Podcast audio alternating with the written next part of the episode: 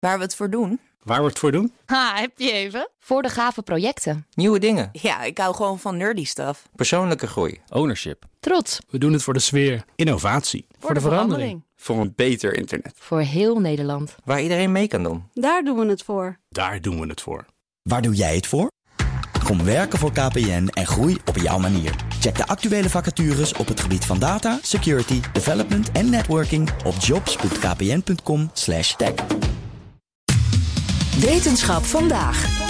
Ja, vrolijk nieuws vind ik eh, vandaag uit de wetenschap. Een onderzoeker heeft namelijk ontdekt dat 53 zeedieren, waarvan gedacht werd dat ze geen geluid maken, toch geluid gebruiken om te communiceren. Wetenschapsredacteur Carlijn Meinders, ja, hoe kwam deze onderzoeker daarachter?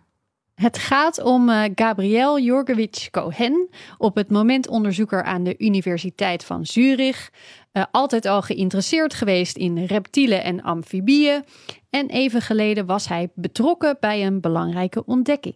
Recently, I mean three years ago, uh, right before the pandemic started, I did some fieldwork in the Brazilian Amazon with uh, researchers that published one of the first papers showing that there was this special turtle species that could produce sounds. Een speciale schildpadsoort die geluid produceert. Ja, daar uh, kwamen ze destijds achter. Ze hoorden hoe jonge schildpadjes, als ze met elkaar het nest uitkrabbelden, door het zand heen geluiden maakten. And they learned that they do that to synchronize hatch. Because then it's less costly for each one of them to dig out, and also they have less chances individually of being eaten by another animal when, when they come out all together. Nou, klinkt heel schattig.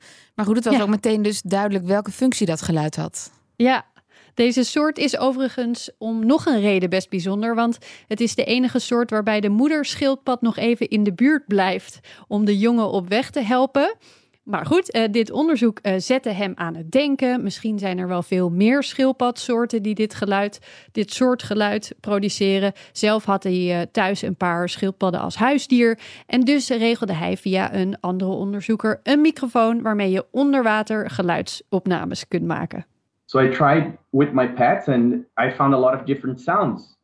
So when I started my PhD in Zurich in Switzerland, I, I told my supervisor about this and he also got excited. So we decided to go further and record as many turtles as we could.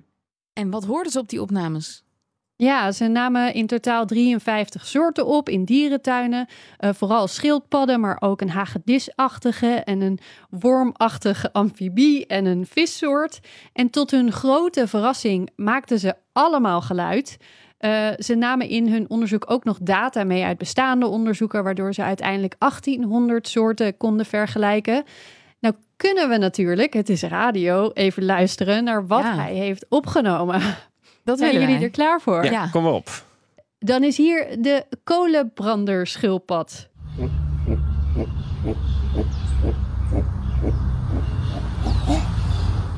soort- En de waterwormsalamander. Oh, dit klinkt een En beetje als een scheetkussen. Klopt. Dit is de franje schildpad.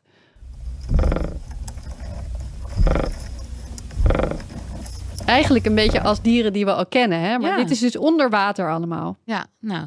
En hebben ze dan ook een idee wat die beesten communiceren, wat ze zeggen? Ben je niet onder de indruk, Liesbeth? Nou, nou, het is me nog niet helemaal duidelijk. Dat is meer. Eh, nou, het is wel duidelijk dat er verschillende geluiden voor verschillende situaties zijn. En soms was het inderdaad duidelijk eh, dat het een geluid was dat hoorde bij bijvoorbeeld het zoeken of benaderen van een partner of het verjagen van vijanden. Was vaak ook beeld om dat dan te checken of dat klopte. Maar wat elk geluid precies betekent, daar moet nog eh, onderzoek naar gedaan worden. Maar we wisten dus nog niet dat deze eh, nou ja, reptielachtige en schildpadden allemaal geluid gebruiken. En kunnen we iets met deze nieuwe kennis? Ja, zeker. Eh, Ten eerste zegt het iets over de evolutie van gewervelden. Eerder onderzoek suggereerde dat gewervelden die geluid produceren van verschillende voorouders afstammen, 200 miljoen jaar geleden. Volgens deze onderzoekers zou hun werk en deze data aantonen dat alle gewervelden die geluid produceren van één voorouder afstammen, 400 miljoen jaar geleden, toen de meeste soorten nog onder water leefden. Uh, dat is best een claim, wat de boel lekker opschudt. Daar kunnen wetenschappers weer met elkaar over in discussie.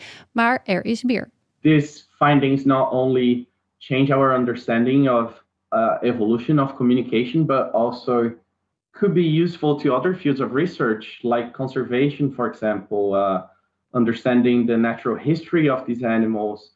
And also because of the, the whole speech part, it, it affects other areas of research like psychology and uh, linguistics, for example. En waar gaat hij hierna naar kijken? Hij wil eigenlijk eh, in het hoofd van die schildpadden en amfibieën kruipen en ontdekken wat daar gebeurt. Dus niet alleen wat betekenen al die geluiden die ze maken, maar ja, wat denken ze eigenlijk? Want daar uh, weten we nog maar heel weinig vanaf. Maar deze vondst heeft dus al impact op verschillende onderzoeksgebieden en op wat we weten over de evolutie van gewervelde diersoorten. Dankjewel, Carlijn. Wetenschap vandaag is mede mogelijk gemaakt door Brightlands. Knowledge Crossing Borders.